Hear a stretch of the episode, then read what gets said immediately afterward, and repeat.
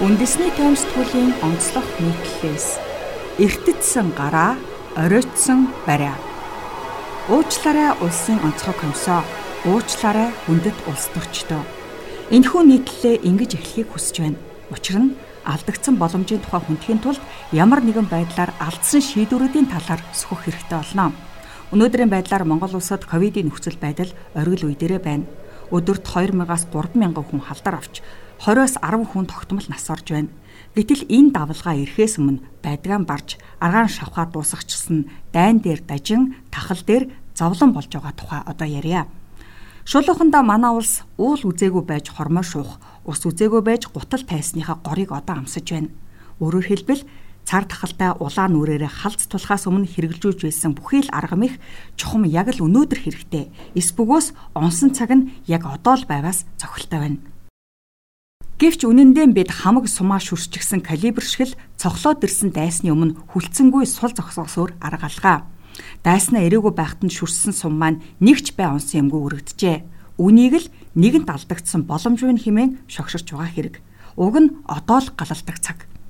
Монгол улсад COVID-19 вирусын анхны тохиолдол 2020 оны 3 дугаар сард бүртгэгдэх үед Монгол улсын засгийн газар нин даруй өндөржүүлсэн бэлэн байдал зарлан хилээ хааснаар уг нь бид тагалтай тэмцэж эхэлсэн.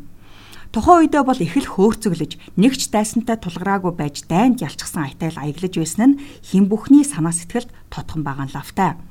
Гэтэл COVID-19-ийн анхны халдвар 2020 оны 11-р сард дотоод осоо илэрснээр бидний 8 сарын хичээл зүтгэл хүчин чармайлт нургунсан билээ. Гэхдээ гих үгнээс өмнө бүх үг юу ч биш гэдэг дээ. Түүнээс өмнө хэрэгжүүлсэн бүхэн тийхүү юу ч биш болж ямар ч хэрэггүй хичээсэн болж хувирлаа. Түгээрч зогсохгүй тэр үед үзүүлсэн бүх нийтийн хичээл зүтгэл өнөөдрийн хор хохирол болж тусч байгаа нь тунч тохуутай алдагдсан боломж биднээс хариугаа авч асар их өр төлөөс нэхэх боллоо. Нэгэнтэл бороонд норох байсан бол шүхэр худалдан авч гэртээ бөгөж дэлгүүрээ хаах хэрэггүй л байжтэй гэсэн харамсалтай тунд өстэй. Магадгүй тухайн үед дэлхийн нийтээр өртсөн эхний давлгаанд хамтдаа нэрвэгдээд эртхэн дээр нь дайсантайгаа халц тулгараад мигийг үзэлтчихсэн бол өнөөдрийн цаг хугацаа өнгөрсөнд байж болох байчээ гэж халагдахтай ч адил юм. Анзаарвал үнэхэрч цар тахалд эхэндээ нэрвэгдсэн улс гар цохирлон хэдийний даван туулаад энгийн амьдралдаа шилжиж байхад манай улс өчнөө хор хохирол туутсан атлаа цар тахлын гай гамшигтай энэ цагт халц тулж байна. Хятад болон зүүн өмнөд Азийн орнууд цар тахлын хүндрэлээ ерөнхийдөө даван туулаад өнгөрөх шатандаа явж байна. Дэлхийн банкны таамаглаас үзэхэд цар тахлын сөрөг нөлөөгөөр үүссэн хямралаас хамгийн хохирол багтаа гарах нь Зүүн Аз, тэр дундаа Хятад баахаар байна. Зүүн Азийн орнуудад тахлын тархалтын оргил өнгөрсөн гэж тооцоолж байгаа. Үүнтэй холбогдуулан энэхүү бүс нутгийн зах зээлийн эрэлтэд тулгуурлан үйл ажиллагаа явуулдаг компани аж ахуйн нэгжүүдийн үйл ажиллагаа бусдаасаа төрүүлж сэргэх магадaltaй. Товчхондоо тахалд төрүүлж нэрвэгдсэн түүнээс богино хугацаанд шийдэмгийн арга хэмжээ авсан Хятад болон Зүүн Азийн орнуудын эдийн засаг бусад бүс нутгаас илүү хурдан хугацаанд хэвийн байдалд орох төлөвтэй байна. Жишээ татъя. Тайланд улс өөрийн оронд аялал жуулчдыг татахын тулд та халдар авсан хүн 3500 гаруйхан нас барсан 59 хүн тохиолдолтойгоор тахлыг амжилттай давсан улсад айлтгүй тавтаа зочлороо гэсэн сурталчилгааг дэлхийн нийтэд түгэж байна. Малайз улсын эдийн засаг цар тахлаас хасах 3.1% бууралттай гарсан бол Филиппин хасах 1.9% буурч харин Таиланд хасах 5%-аар хамгийн их булсан эдийн засагтай улсаар нэрлэгдлээ. Гэтэл Монгол улсын цар тахлын нөхцөл байдал бүх сөрөг үзүүлэлтээр дэлхийд тэргүүлэхээр зүтгүүлж авна. Цар тахалтай амжилттай тэмцэж байгаа орнуудын нэг нийтлэг зүйлвэ. Тэр нь богино хугацаанд авч хэрэгжүүлсэн хатуу хөл хорой. Харин манай улсад үргэлжилсэн хөл хорой одоо ч дуусаагүй хэвээрээ үргэлжилж байна. Дэлхийн улс орнууд 100 мянган хүн тутамд 50-аас дээш тохиолдолд 7 хоног үргэлжилсэн бол хатуу хөл хорой тогтоож иргэдийнхээ эрүүл мэндийг хамгаалахын тулд бизнес эрхлэгчдийн үйл ажиллагааг зогсоох тэг зогсолт арга хэмжээг хэрэгжүүлэх шаардлагыг тавьсан. Бусад тохиолдолд хөл хоройгүй гэсэн үг. Гэтэл манай улс бүтэн 2 жилийн турш бизнес эрхлэгчдийнхээ хөлийг тушиж үйлчилгээ хорьсон нь ямархан балмад арга байсныг хэлэх юм биш. Хэрэггүй үед деми хориг саад тавихаа бодсны улмаас чухам хэрэгтэй үед хөл хорой тогтох ямар ч боломжгүй болж хувирсан нь нэ. Өнөөдөр хөл хоройгийн хүгийг сонсох, сонсоод хүлцэх, хүлээн зөвшөөрөх нэгч бизнес эрхлэгч иргэн үлдээгүй. Ихэнх улс орон 2020 оны эхний хагаст тэг зогсолт хийх, хатуу хөл хорой тогтоох, зорчих хөдөлгөөний хязгаарлах зэрэг арга хэмжээг COVID-19 цар тахлын тархалтыг бууруулах эмзэг эрсдэлтэй бүлгийн хүн амыг хамгаалахын тулд авсан. Цогцолоод ирсэн хойно л хамгийн шийдвэртэй хийх тэмцэл нь тэр байсан гэсэн үг. Гэтэл манай улсын хувьд ирээгүй дайсан зориулж хитрхи олон сум гарцдаж орхижээ. 2020 оны 3 дугаар сараас өмнө Монгол улсын дотоодын нийт бүтээгдэхүүн 2019 онд 37.3 их 80 төгрөг улсын нэгдсэн төсөв нь 11.6 их 80 буюу дотоодын нийт бүтээгдэхүүний 32.8% байлаа. Гэтэл хятадтай хилээ хаасны дараа экспорт зогсон байдалд орсон бөгөөд үүнээс 15 хоногийн дараа зөвхөн хятад руу хийх нүүрсний экспортоо сэргийлсэн ч алдагдал нь хятад экспортлж байгаа уул уурхаан бараа бүтээгдэхүүн өмнөх оны 70% чуай хүрв. Нүүрсний экспорт дах 15 хоногийн алдагдал Монгол улсын төсөвт ийм хэмжээний хохирол авчирч чадаж байгаа бол бүтэн 2 жилийн хугацаанд үргэлжилсэн бизнесийн янз бүрийн хэлбэрийн хоригууд ямархан урхаг тарсныг төсөөлөх аргагүй. Гашуун сухат бомбд хаагдсанаар Монгол улс өдөрт 27.5 тэрбумыг алдаж байлаа шүү дээ. 42 сая тонн нүүрс экспортлох төлөвөг цар тахал салхинд хийсгсэн. Гэхдээ энэ нь жинхэнэ коронавирусын халдвар газар авсан өнөө үед биш айдас сүдэрнэл нөмөрсөн 2020 оны 3 дугаар сард гэдгийг уншигч авахаа та нэг бодно үзье.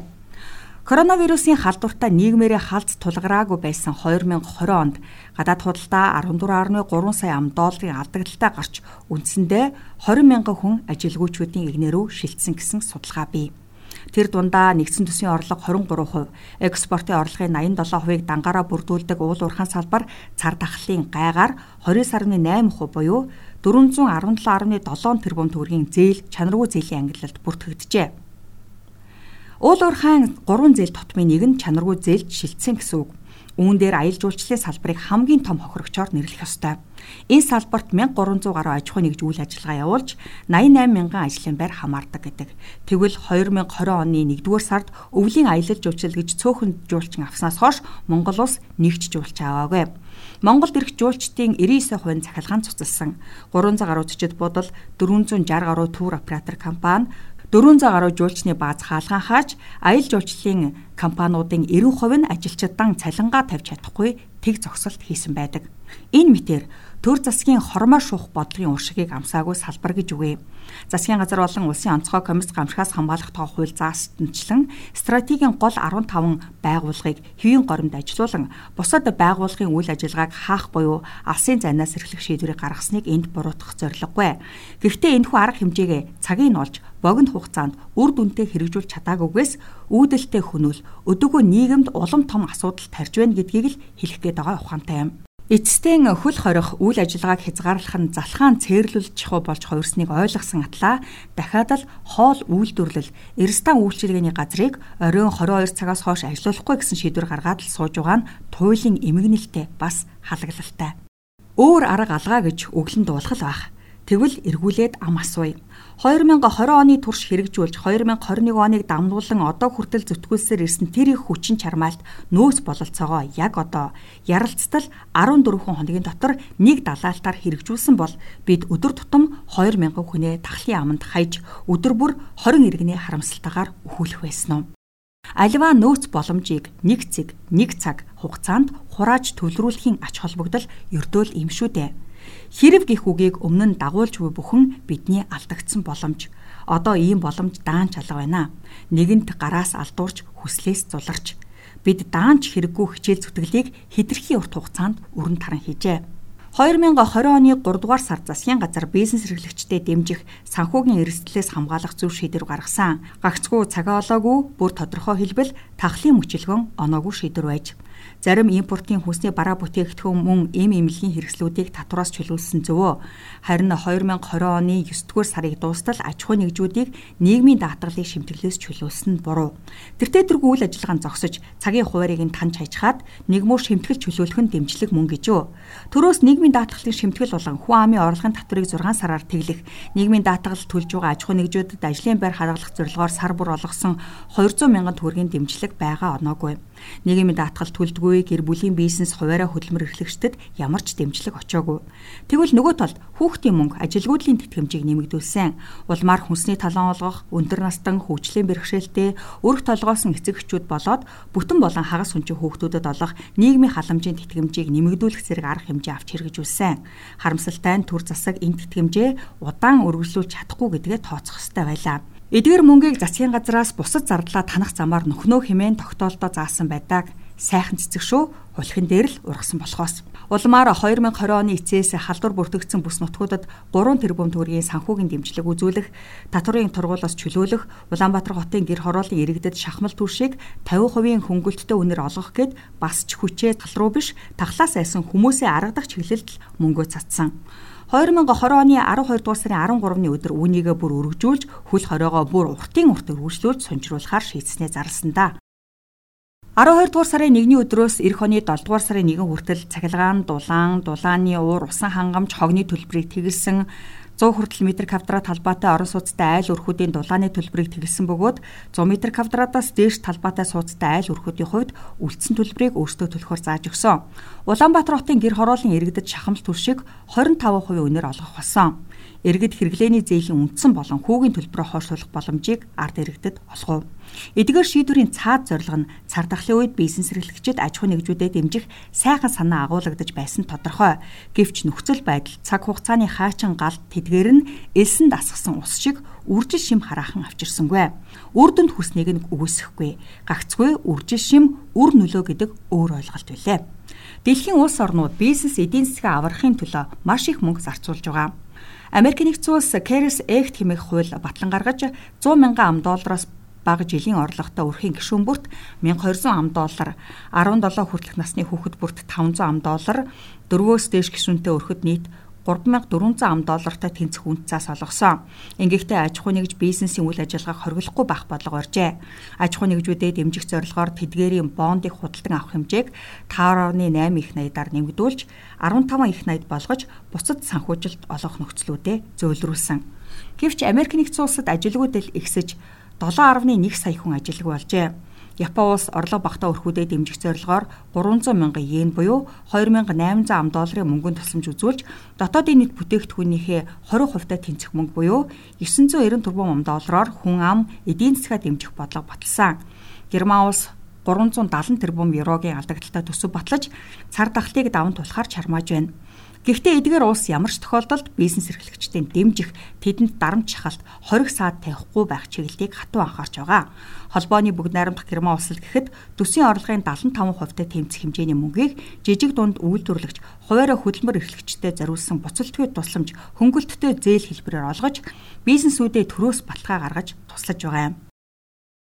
Улс орнууд цар тахлаас үүдэлтэй бизнесийн хүндрэлийг ингэжил тооцоолж байна. Харин манай орнд бизнесүүдэд тавих хараа хяналт, дарамт чахалтаа цар тахлын нөлөөгөөр улам нэмэгдүүлж цагийн хязгаарлалт, зарим үйл ажиллагаа хорих хязгаарлах хэлбэрээсээ хагацж чадахгүй удлаа.